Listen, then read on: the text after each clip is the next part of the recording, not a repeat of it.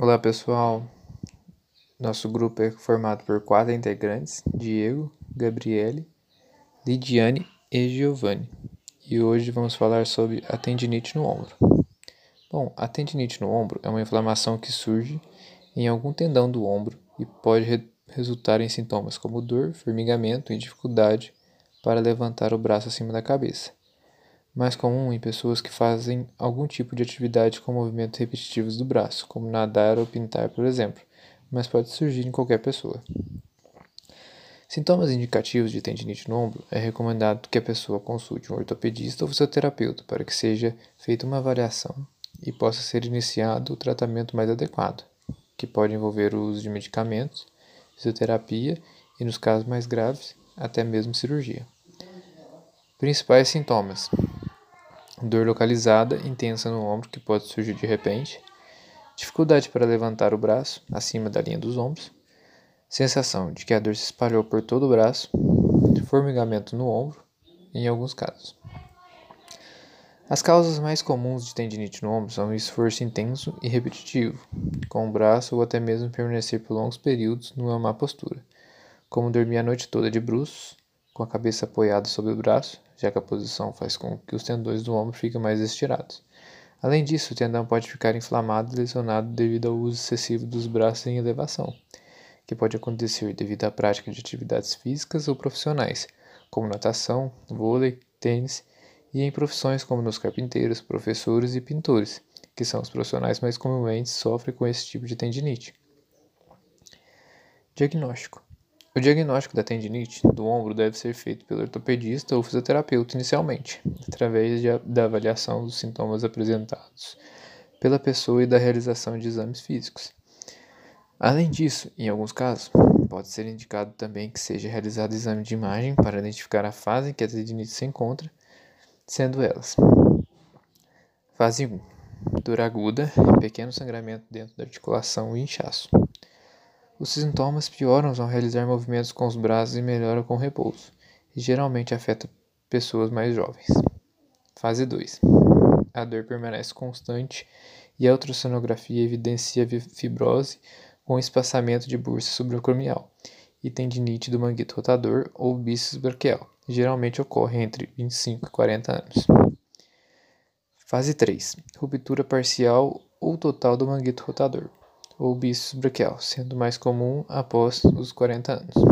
Tratamento: O tratamento para tendinite no ombro tem como objetivo diminuir a inflamação do tendão do ombro, aliviando os sintomas e permitindo que as pessoas consigam fazer atividades do dia a dia sem dor, além de prevenir o rompimento do tendão.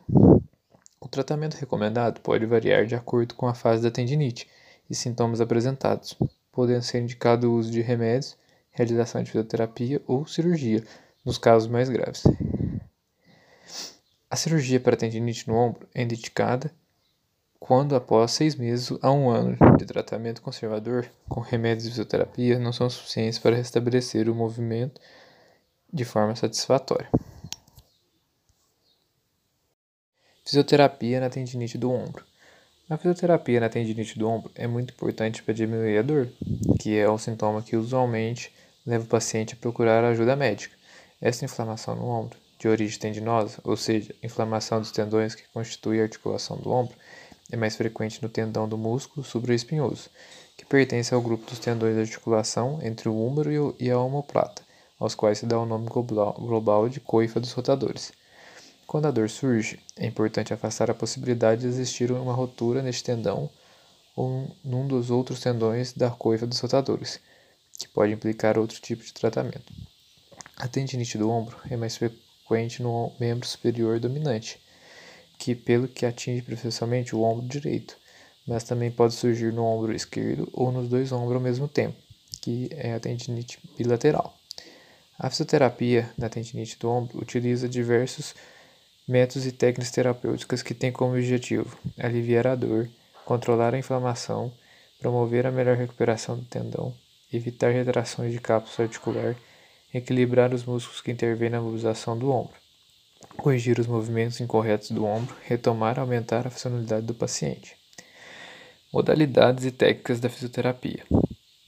No tratamento da tendinite do ombro são muito utilizados os agentes físicos frio, normalmente sob a forma de gelo, ultrassons, correntes elétricas, com objetivos anti-inflamatórios. As ondas de choque extracorporais são um método terapêutico em utilização crescente, sobretudo no caso das tendinites calcificadas do ombro. A massagem é uma técnica amplamente usada nas suas diversas vertentes, dependendo do quadro clínico. Visando, sobretudo, a diminuição da dor, utilizam-se determinadas posturas e técnicas de tração e de descoaptação da articulação do ombro, sendo frequentemente realizados os exercícios pendulares que, dada a sua ação analgésica, diminui a dor, são denominados a aspirina do ombro. Para diminuir a sobrecarga tendinosa a nível da articulação do ombro, o tratamento fisioterapêutico deve incluir uma série de técnicas de mobilização e de reforço muscular, que visam restabelecer a harmonia dos movimentos do ombro, sobretudo se no exame clínico se encontra déficits de mobilidade e ou força muscular.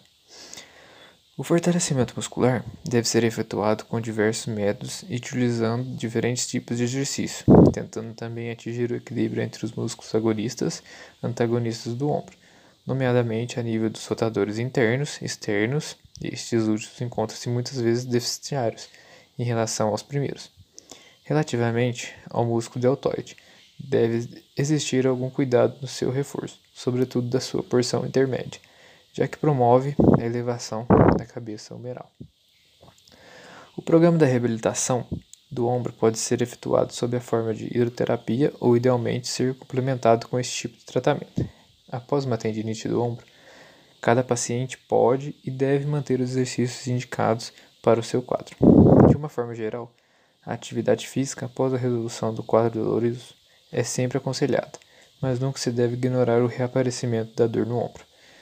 Em relação a outros exercícios específicos para os braços, a sua retoma deve ser muito progressiva. Não se deve efetuar um reforço muscular excessivo, não se deve fazer exercício sem abdução pura, com o braço levantado de lado, e deve-se utilizar de forma ponderada os exercícios com movimentos acima da cabeça.